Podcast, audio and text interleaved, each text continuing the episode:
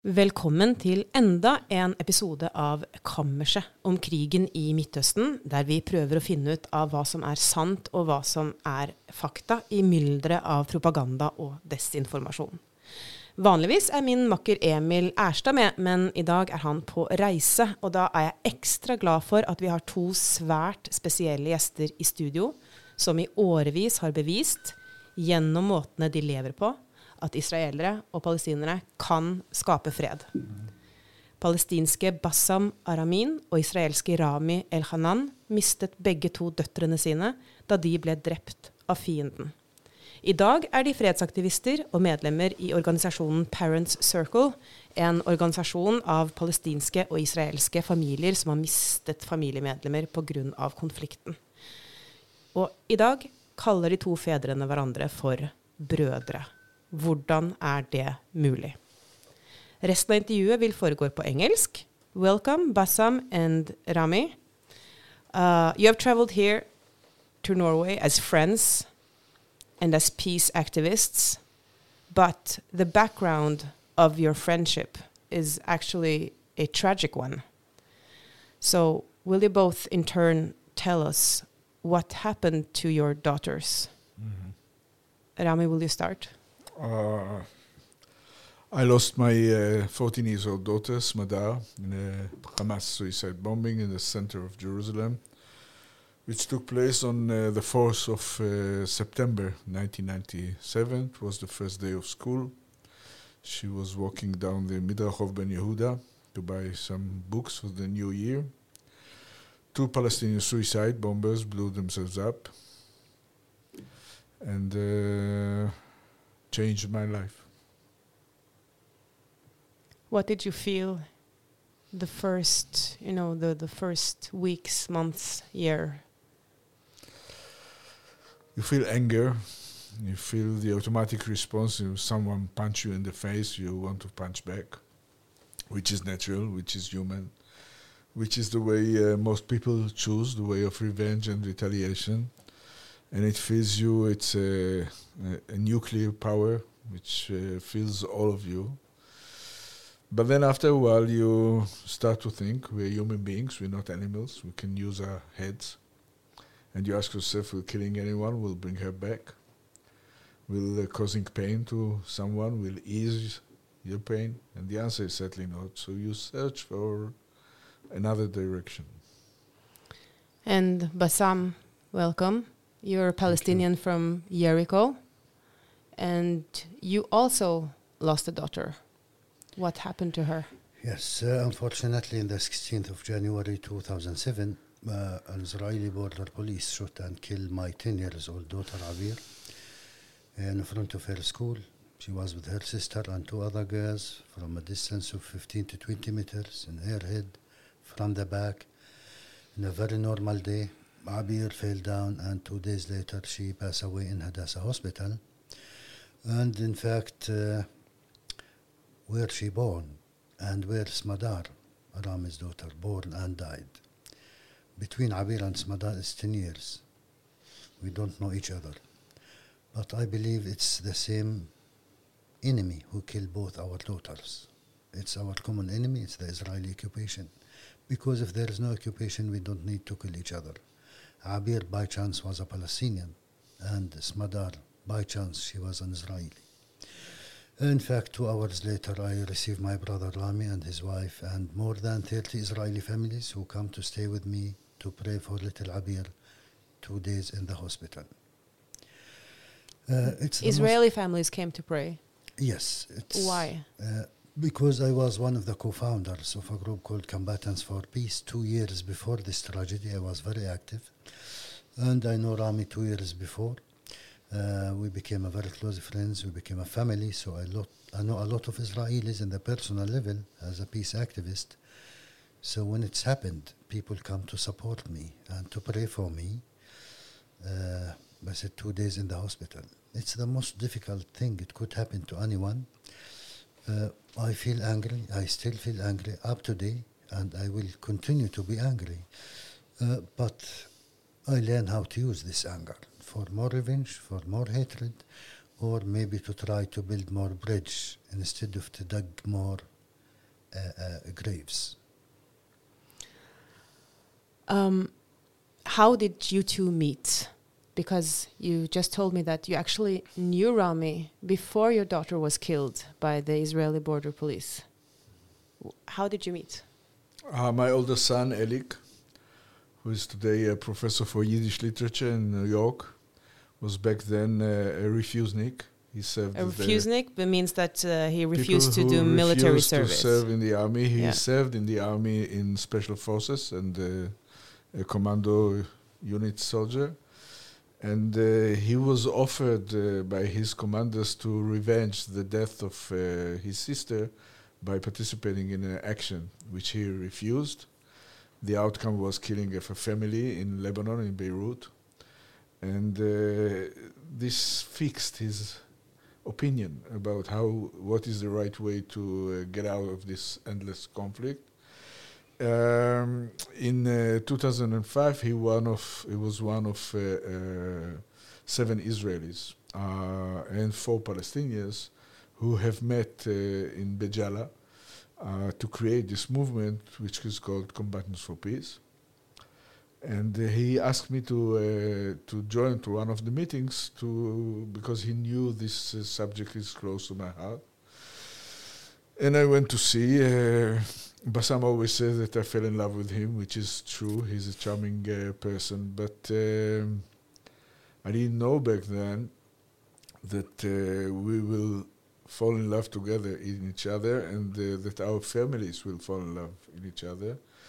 We came to their house in uh, Anata. They came to our house in uh. We became really very, very close. And uh, when uh, the the understanding that Abir was shot, it for me was like losing my daughter for the second time. It was uh, unbearable. And I think ever since then, our friendship became uh, an alliance, um, an alliance of blood. We under- understand each other without saying one word. We share the same kind of uh, pain and enough one look uh, to understand what is going on deep inside. And this is a friendship that um, cannot be invented. This is a friendship that you cannot uh, buy in the store. This is a friendship that comes from within. And it's deep commitment to the humanity of each other. You call your friendship an alliance of blood. Those are very powerful words. Um, but I want to take a step back because you, Rami, Mm. you are the son of, a, of Holocaust survivors. Mhm. Uh, as a young man, you served in the 1973 war as a soldier, a very bloody war. Mhm. Uh, and you, Rami, uh, sorry, you, Bassam, uh, you have been imprisoned in Israeli prison uh, after fighting in the Intifada. What was your view of the other as young men fighting for your freedom or your countries? I was a product of the Israeli upbringing process. I was brainwashed. Um, the other side was hidden from me deliberately, viciously. Uh, we are two societies at war. We need to prepare the young generation to be able to sacrifice themselves when time comes. In the IDF or one of the organizations, and the only way to do it is by hiding the other side and demonizing the other side, dehumanizing the other side.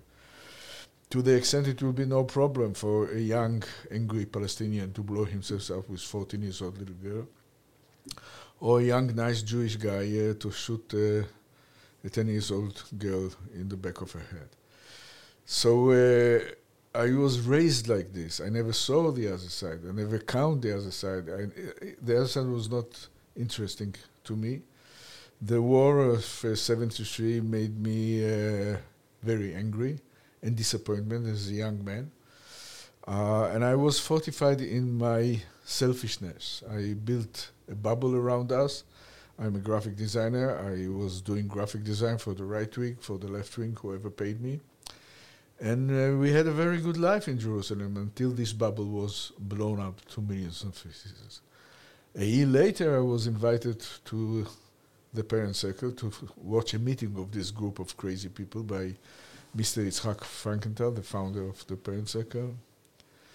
I was 47 years old, and I always ashamed to admit it was the first time ever in my life I have met Palestinians as human beings, not as workers in the streets, not as terrorists, and not as uh, transparent people, as people who carry the same burden that I carry and suffer like I suffer.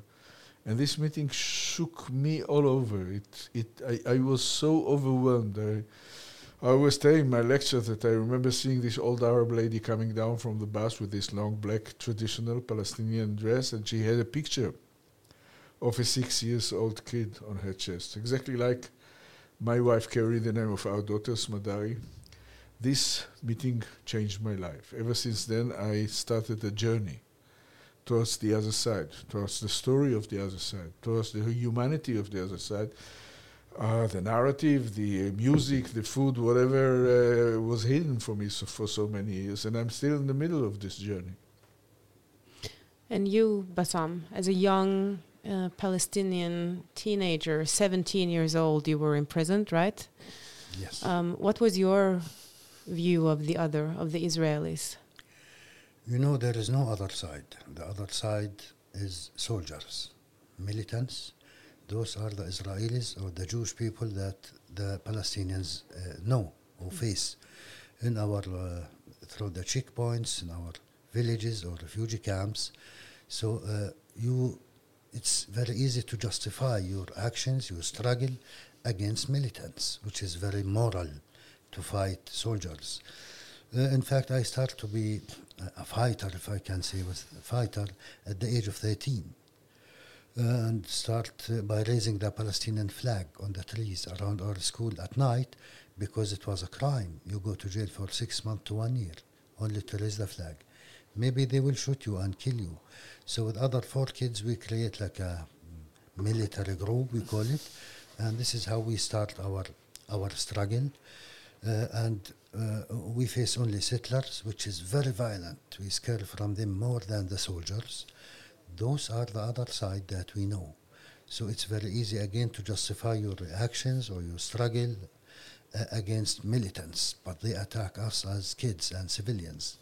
In fact, it was before the first Intifada, the, uh, two years before, uh, when uh, I was part of a group of, as I said, 13 years old, but the age of 16, they, find some old weapons in a cave with two grenades, and they don't know how to use it. Uh, but two of my friends throw the two grenades on the Israeli patrols in our village near Hebron, and in that time, uh, no one killed, no one injured because they don't know how to use it in a professional way. And uh, one year later, we have been arrested. So the first one get 21 years in jail, 19, 15, 14, and for that matter, I get seven years. So you were seven years in Israeli prison.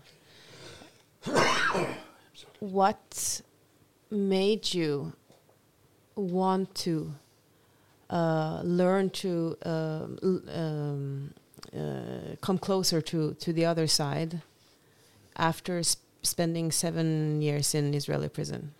You know, in fact, people sometimes think that in jail I changed my mind, I became a peace activist, I became. It's the opposite. In jail, you just become more determined to continue your way, your armed struggle against this uh, brutal enemy.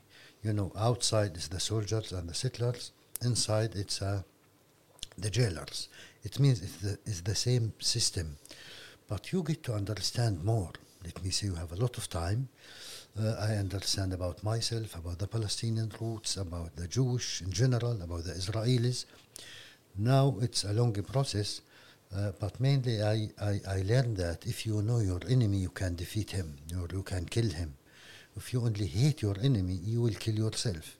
So for me, it was like a, a big wisdom because I'm looking for how to eliminate or to kill or to win over my enemy. So I start to study Hebrew, first of all, as a, a tool to know my enemy. Then I watch a movie about the Holocaust. And it was by chance. I don't know the name of the movie, but I understand this movie is about Hitler and the Jews who killed six million uh, uh, Jewish people, but it's a big lie. It never happened for me. So, in spite it's a big lie, I want to enjoy seeing them dying, even if it's a big lie again. Uh, how Hitler killed them, arrested them, because I am in their jails and because they occupied us. So, what happened suddenly, after a few minutes, in fact, I found myself crying, get sympathy with those innocent people.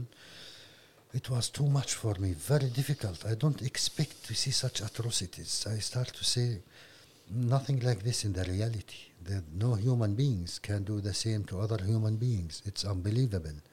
It's a long story, but in general, I decide that I want to know more about this big lie. If it's really happened, or it's just a movie, uh, which pushed me after many years to make my master degree about the Holocaust uh, in Bradford University in the UK. Then after that, I start to visit death camps in Germany to learn, but it started as a tool to know your enemy in order how to defeat them or to kill them. Then you understand that if you know more, you act much better. If you don't know, simply you don't know, and you will remain a prisoner to your narrative, to your story, to your history. I think it's very interesting what the two of you are saying now because um, what I'm hearing is that at some point in your your life you started your own journey in the search of truth and a different truth than what was presented for you as uh, boys and young men. Rami, you were telling me about the uh, Israeli upbringing that actually means that you live in a bubble and you never see uh, the other side or, or the, the, the lives of the Palestinians. And, and you tell me about you know how Holocaust is presented as, as a fiction.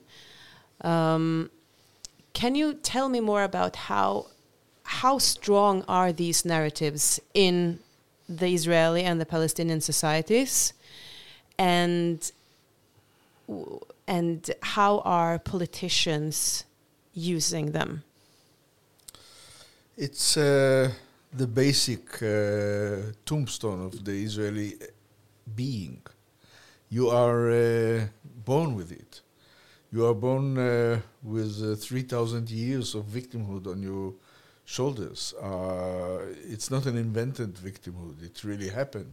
And as a kid, and as a boy, and as a student, uh, all over your life, you drink this victimhood uh, with no pause. Um, not only that, you are being taught that you are the only one who allowed to be victim. No one else is allowed to be victim. We send our kids to Auschwitz when they are 16 years old and they come back draped with the national flag and the slogan "Never Again." And the next day, this 18 uh, years old kid finds himself uh, standing in a checkpoint, and he has to make a decision whether this old man coming towards him is a time bomb or terrorist or just a grandfather, which is inhuman. Uh, so, so this feels our being, this feels our consciousness, this feels everything we need to fortify ourselves and block ourselves from any different information that comes. And uh, then, when you face disaster, when the mirror is put in front of your face and the sight that you see in the mirror is not very ugly, I, I had to find a reason. Why did my daughter was murdered? What happened here? Why did it happen? How could such a horrible thing take place? And I started to, to ask this uh, question what can cause someone to be that angry, that mad, that desperate, that hopeless, that he is willing to blow himself up with 14 years old little girl? And the findings were not pleasant. What, what did you find? I find uh, uh, a big elephant that no one talks about, uh, uh, a domination of one people of on, over the other people. I find slogans that had no meanings, like a land without a people for a people without a land. I find history that was uh, diverted to many. I found Nakba that was hidden from me, never happened, and if it happened, they ran away. They, they was not uh, deported, and, and I found truth that uh, was very hard for me to live with.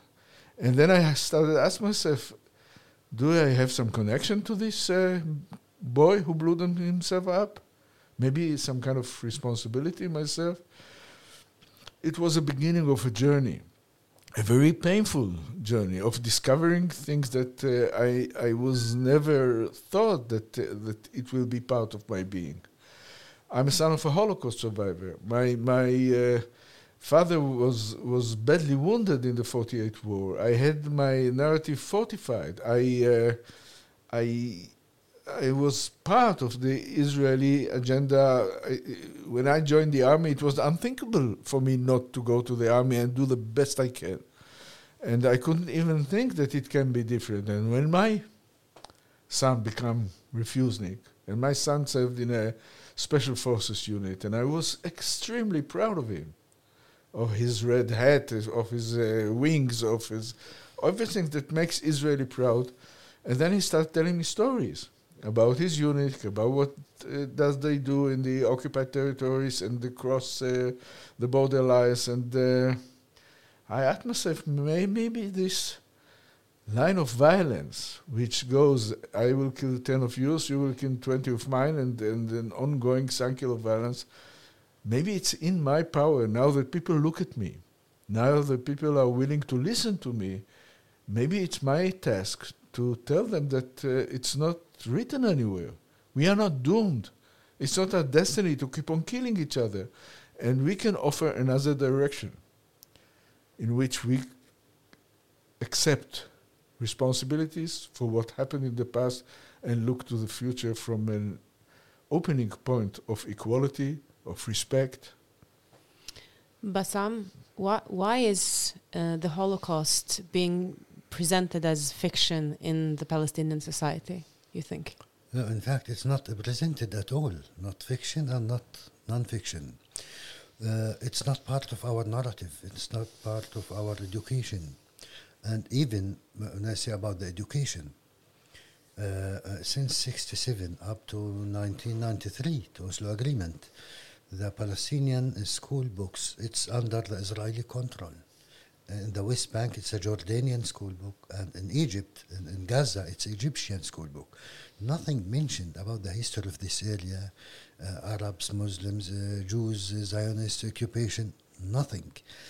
When I watch uh, uh, the movie about the Holocaust, in fact, why I said I want to know more, because I want to understand, to try to justify the brutal behavior of the Israeli soldiers when they come to my village. It's unbelievable.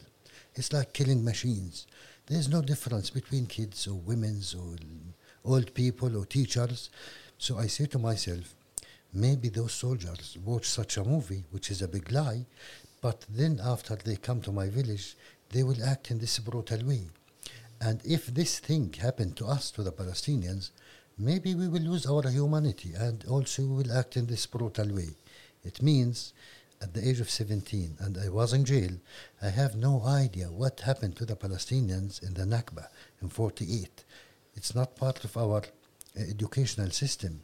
But when I say I hear, uh, like someone called Hitler killed 6 million Jewish people, but it's a big lie, and I don't know from where this Hitler. Uh, but I was like, in my imagination, I love this Hitler because he killed them. In spite, it's a big lie. Imagine so, uh, and sometimes if you learn a narrative, it's a fake narrative, then you discover it's a lie, it's not true. It's very difficult to read off this narrative because you live it, you was believing in it. So it's totally not easy. And for us, we didn't hide ourselves from the Israelis or to know the Israelis. They prevent us to know them. It means the system, the occupation. Uh, we are in our own areas the normal Israelis that we know, again, the settlers and the soldiers. So when it's happened, when we have the safe place or safe space or the opportunity to meet each other without a uniform, suddenly we are civilians, suddenly we are human beings, we start to talk, so we become very close friends. When we discover our uh, humanity, that we are the same, uh, your enemy is exactly like you uh, uh, uh, this is why we believe that the, the, the magic is to meet each other as human beings, which we are not allowed for decades. The magic is to meet each other as human beings, you say. Um, now there is a new, very um, uh, bloody war going on. many, many parents have lost their children. Um, do you think that your message of coming together and meet and become friends is offensive to many parents? Yes, unfortunately, it's not only offensive. It's uh, the the equality between the Jewish blood and the Palestinian blood. For some people, are is unbearable. But uh, you know, uh, on the October seventh in the morning, uh, when we saw the beginning of the news, we had no idea about the, the scale and the scope of this uh, magnitude of the uh, atrocities. Bassam called me and he, he said, Now it's our turn to occupy you, so I offer you shelter in my house in Jericho, you and your family. And we were laughing about it. On the other room, my wife was talking in the phone to her cousin in Kibbutz Be'eri, and the atrocities were revealed as we spoke. And the feeling was of a disaster, of uh, the whole world is collapsing on our heads. Everything that we built for the last 20 years was ruined to the ground, and, and uh, deep despair and deep frustration, and, and, and you don't know what to do. But then you uh, count till 10. You have a big breath, and you uh, discover the smoke goes away, and you understand that the conflict did not start on October 7th and will not end on October 8th. You understand that this horrible word context is valid, and uh, we are witnessing an event, an event in which is a chain of events. Uh, and we are paying the price of this ongoing conflict uh, in a way that was never done before. For the first time, Israel is humiliated on its knees. Uh, Palestinians are celebrating this victory, and we are hearing stories that make make us shiver with uh, shame. And then uh, the right of self-defense immediately become the right for revenge and tens and tens and tens of thousands of people are dead, innocent people. And you start to realize that the fighters of Hamas, which created these atrocities, were uh, 10 to 12 years old kids in 2014 when the IDF bombed Gaza Strip. What will happen to the next October 7th? Those uh, 30,000 casualties, I don't know how many more thousands under the rebels who will do the next. It's our task, it's our moral obligation, it's our moral authority to raise up our voice as people who paid this price and tell them there is another way. We don't have to be crazy. We don't it's not written anywhere that we must go on killing each other. And uh, I think by uh, the messer of the, the message of the parent circle as an organization of uh, 700 families that lost their loved ones uh, is a message that it's very hard to swallow, but it's the only message that offer hope, offer a way out of this endless cycle of violence. But the truth is, Bassam and Rami, that there are not many like you. Mostly there is anger and grief.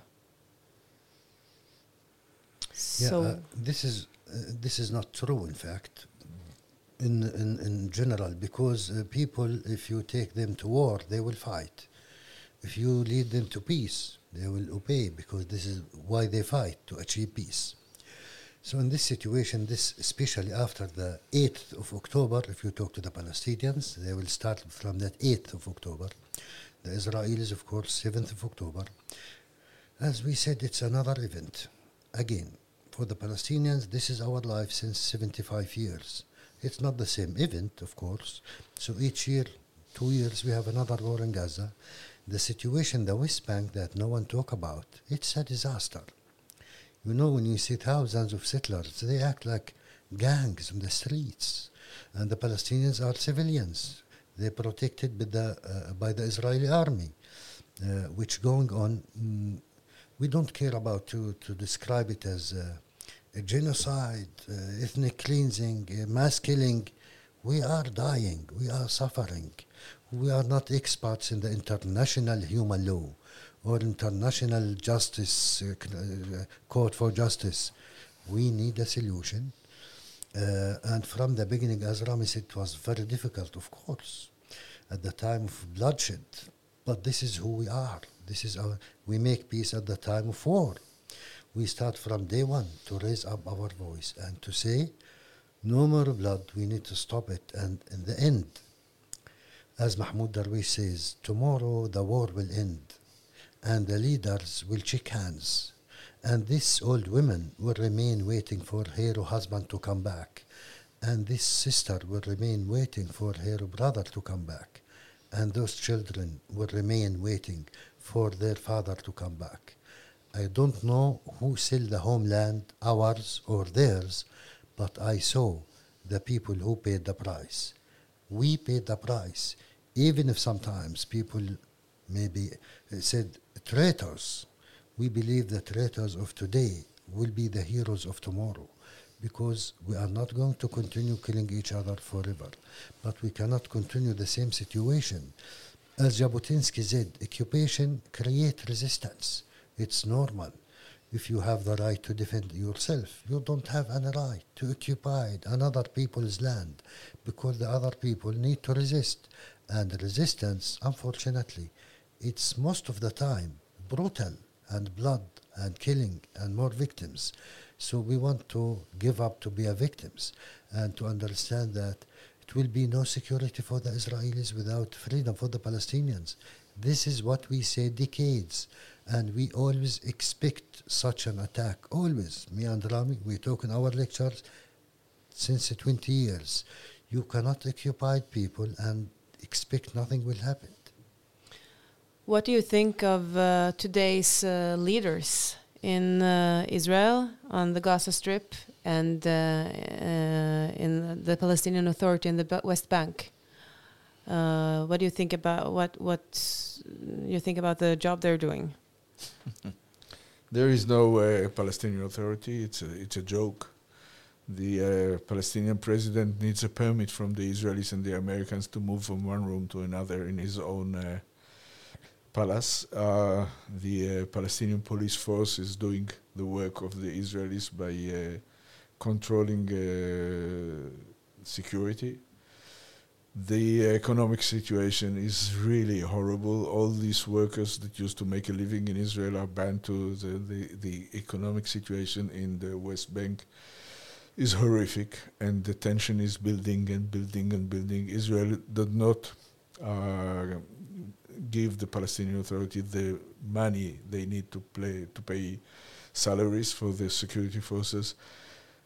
It will blow up in our face. I mean, I mean, uh, the the writing is on the wall. Everyone who has eyes, you see, and and it really uh, connects to what happened.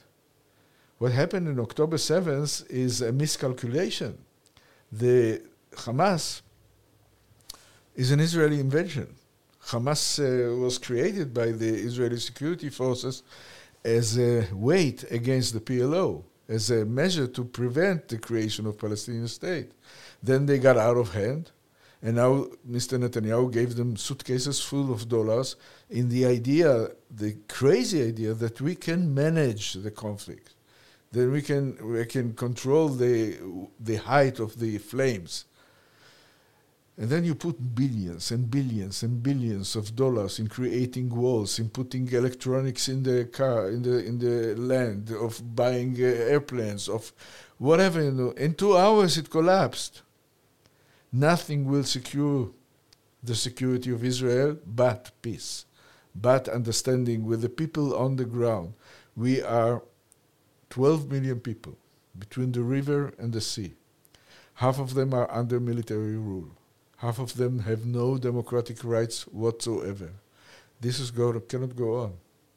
We must find ways to do a restart, to redefine the reasons that we are willing to kill for and to die for. I think that is, you know, a message that many can agree on. But what are the prag- pragmatic steps towards that? Because uh, you have both done, you know, this journey within that has taken many, many years to come to this place where you can actually see each other as human beings, and also you can um, uh, uh, criticize your uh, own narrative. How? What are the pragmatic steps to make this journey a wider jo- journey for many, many more people? In fact, in this matter, which is uh, we need a political process.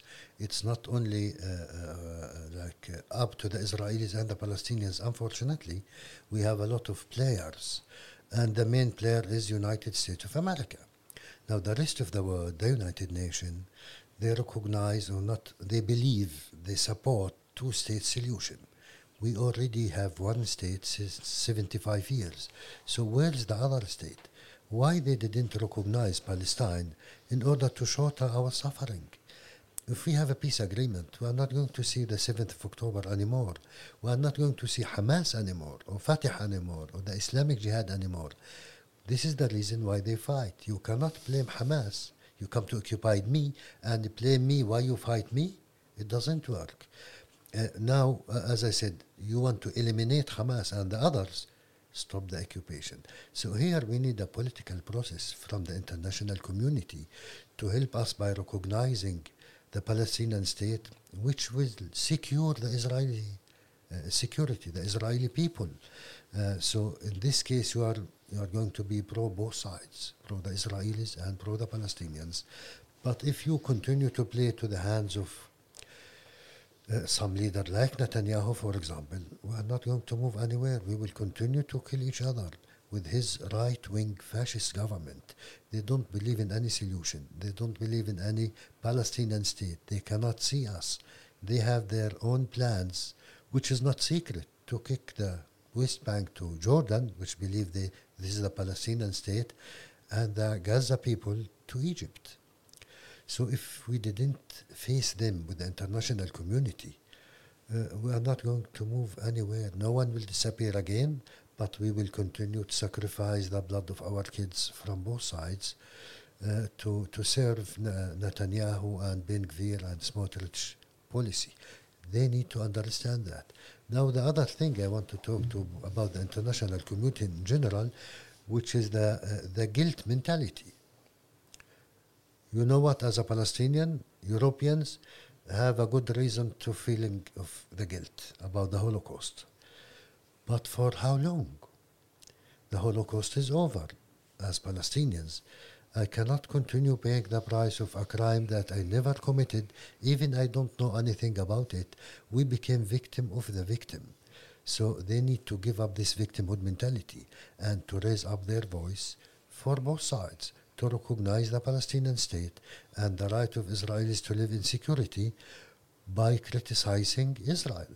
Because criticizing the behavior of Israel, not the Israelis, not the Israeli state, so like anti Jewish or anti Israeli, they need to be anti occupation very loudly because it's the, the last occupation on earth. This conflict has been said to first and foremost be a territorial conflict, but there are also um, religious aspects of it. Uh, Prime Minister Netanyahu in Israel has uh, teamed up with uh, the far right and uh, the settlers movement and the religious settlers movement. Uh, in uh, Hamas, that governs Gaza, has a religious ideology. What what role does religious religion play, and how do we need to uh, confront religious uh, actors? The minute we will allow the conflict to become religious, we are losing all hope. Religion does not compromise. You cannot ask a Jew to give uh, to to maintain only half Shabbat. You cannot ask a Muslim to keep only half Ramadan. Religion is total. And if the conflict is religious, the land is waqf according to Islam. You cannot give it up. This is the theory of uh, Hamas. Even though Hamas, Sheikh Ahmad Yassin said, the land is waqf and we cannot give it away because it's religious issue, but we can have a hudna, a ceasefire of 99 years, and then maybe things will change. This was offered by Hamas, it was rejected by Israel. And the same here. We are talking about uh, crazy people who believe that God gave them this country. They don't care about anything, and they are pushing for Armageddon. They say it, it's not hidden, that they want one war that will be enable them to get rid of all the Palestinians and have the land empty and clean. It will not happen. Bassam, what do you think? Absolutely, I agree. It's not a religious conflict. Otherwise, there is Yet. no negotiations. You know, when you act in the name of God. No dialogue, no negotiations, but it's not. Uh, so, yeah, we are very scared that those people will take us to the religious part, which is not and uh, uh, as a religion, not a, a religious people. The religion, it should be part of the solution and never part of the problem at all. Because simply I learn as a Muslim, no one is God, no one is a judge. I don't create you. I am not responsible for your behavior. The religion, uh, uh, it's just to organize our relationship with each other, and each one will arrive to his God in his own way. We just need to respect each other. Now, the occupation, it's something political thing. It's not religion. For that, uh, some people try to kidnap religion to take us to this corner, which will be disaster. You know how many Jews around the world, if it's a religious conflict, 20 million, 30 million, 50 million. The Muslims were talking about 2 billion people, so we will eat them. but it's not true because uh, part of the Islamic faith, like to protect Judaism and Christianity. If you don't believe in that, you are not a Muslim. You are half Muslim, which it doesn't work. So those people who create like Islamophobia, it's to serve their political agenda, but it's totally wrong. Nothing like this in Islam. You both say that uh, it's first and foremost not a territory, uh, a religious conflict, but then you said, Rami, I heard, yet. Are you um, concerned that it might turn into a religious conflict first and foremost? I'm terrified because people take religions and mobilize it to serve their own political interests.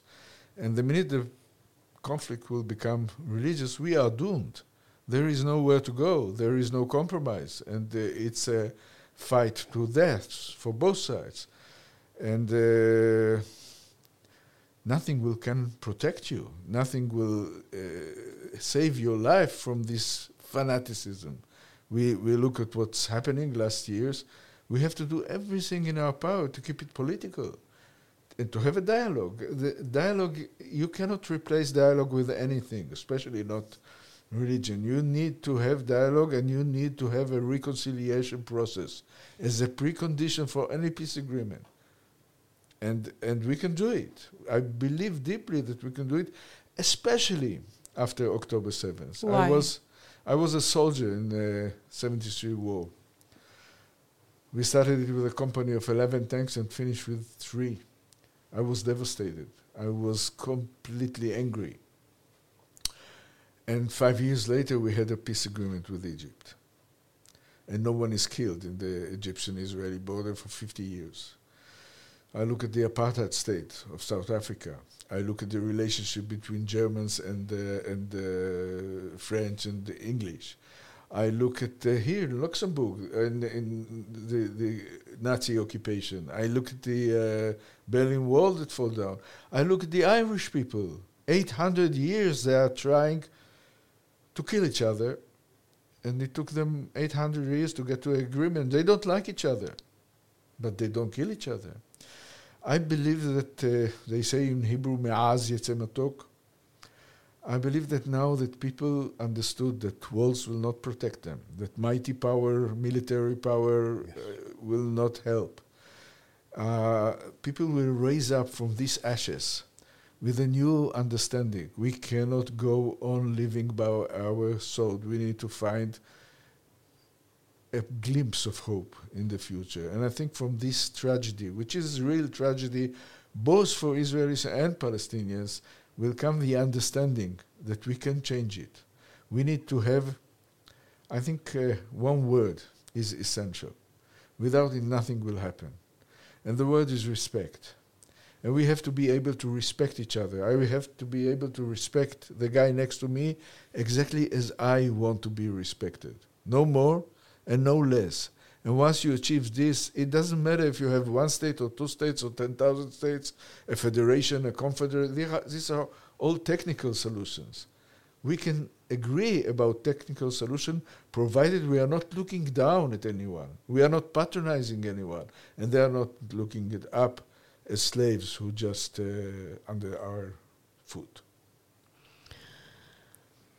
Um, we're starting coming towards the end of the interview, but I want to ask you. Um, of course, as we have been talking about, uh, between the Israelis and the Palestinians, there has been, and at least now, there is a lot of anger, grief, and and terrified people. Um, but also in the international community, there is a lot of anger. Uh, I myself uh, have been quite surprised how angry the international community is and not uh, and and and that the international community is not able to discuss the problems the way that you two are even though they stand uh, they are in a different place and they are living in peace and they have the oppor opportunity mm. so what would you say to each and one of us here in Norway in the international community but also to Israelis and Palestinians. What is what do you want us to do? You know, uh, it became a nightmare. It became a reality game, like in television. The world is sitting on the balcony, looking at those crazy sides, massacring each other, showing in public their wounds, it became a competition of victimhood, a competition of pain.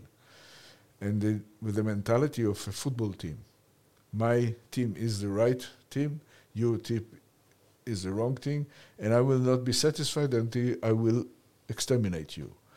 And this is crazy because uh, I think our vital interest is to show our togetherness.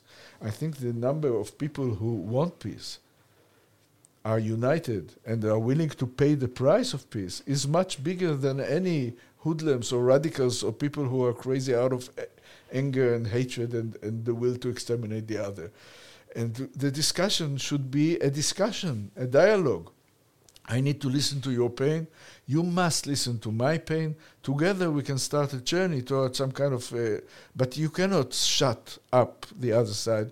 You cannot sh- show no compassion to the pain of the other, because then you're talking to yourself and you get nowhere.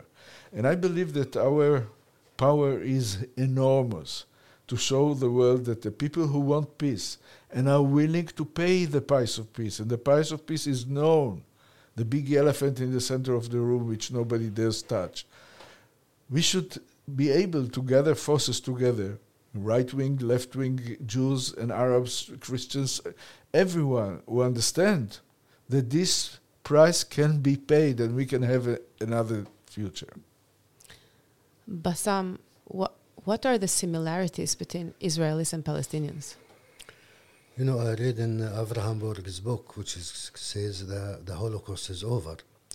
It says enemies with time, they became similar. They adopt the same techniques. Uh, maybe they lose their humanity, they became more brutal, but they learn each other. The similarities, I believe, it's in the fear in both sides. Both sides want peace and security, there is no doubt. But the same amount of people from both sides, the majority, they don't know each other and they don't trust each other. Build on their real uh, history from both sides. So uh, I believe, as Martin Luther King says, he says, in the end, we will remember not the words of our enemies, but the silence of our friends the victims, the pain, it will remain between the Israelis and the Palestinians. But to be honest, I want to say something like about the international community, the people.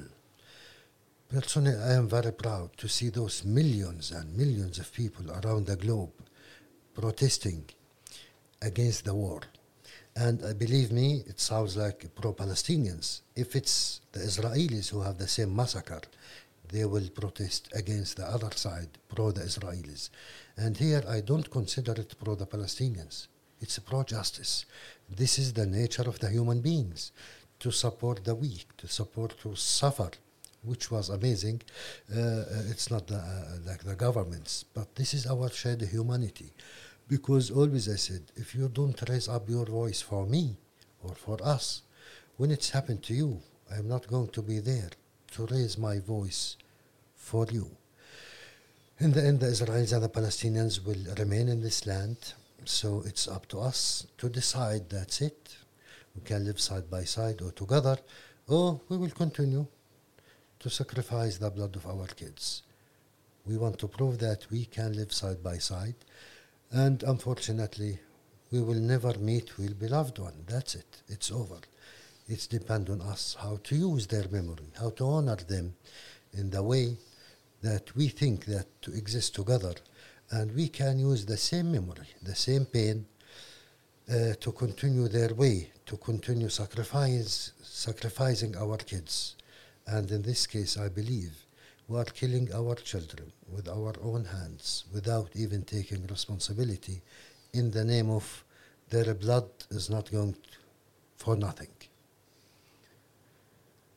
I think um, I need to ask one last question because I think that uh, the reason why you are here, you know, it's your daughters.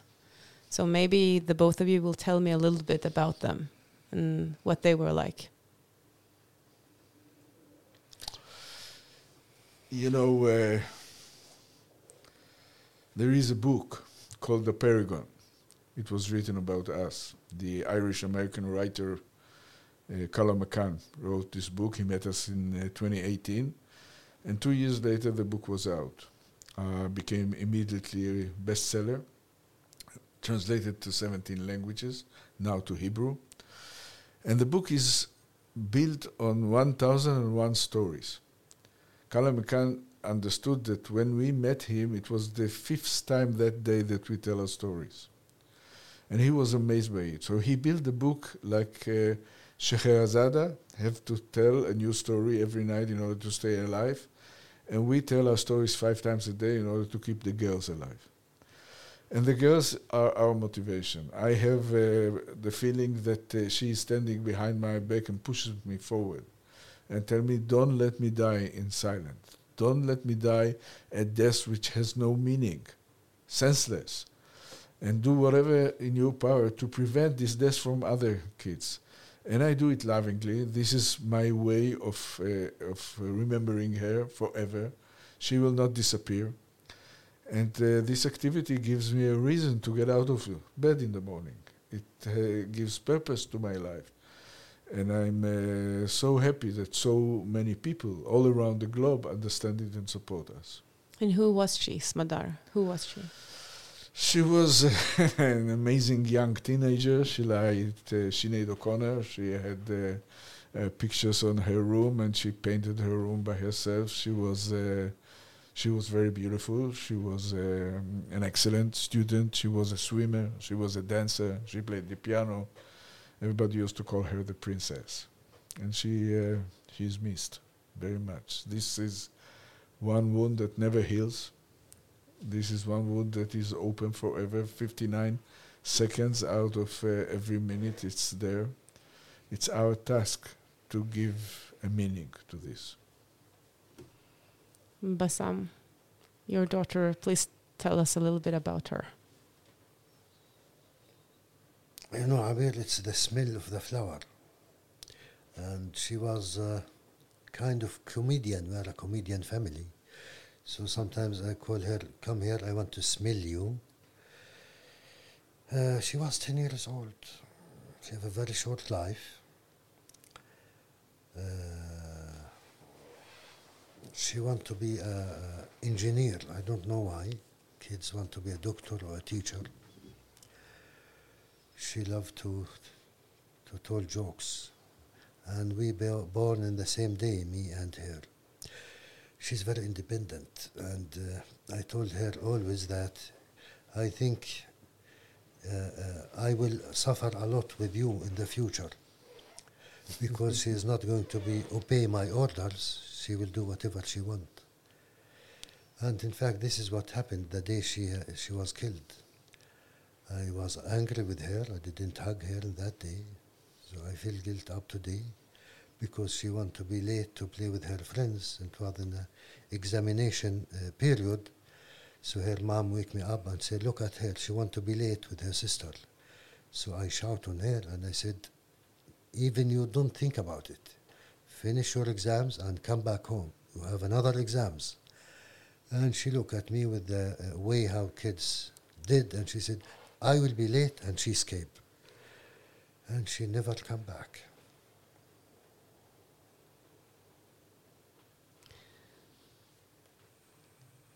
I think we will um, end here. Thank you so much, Bassam and Rami, for coming here and for sharing your very, very powerful stories and uh, the journeys you have taken. Uh, and thank you for coming to Norway and uh, and um, inspiring us here in Norway and what you are doing in in uh, in Israel and in Palestine. Thank you. And for I know you're uh, going home today, Mm-hmm. so I wish you a pleasant flight. Thank you. Uh, and I hope that your message will be the most powerful and will win in the end. Inshallah. Thank you very much. Inshallah. Inshallah.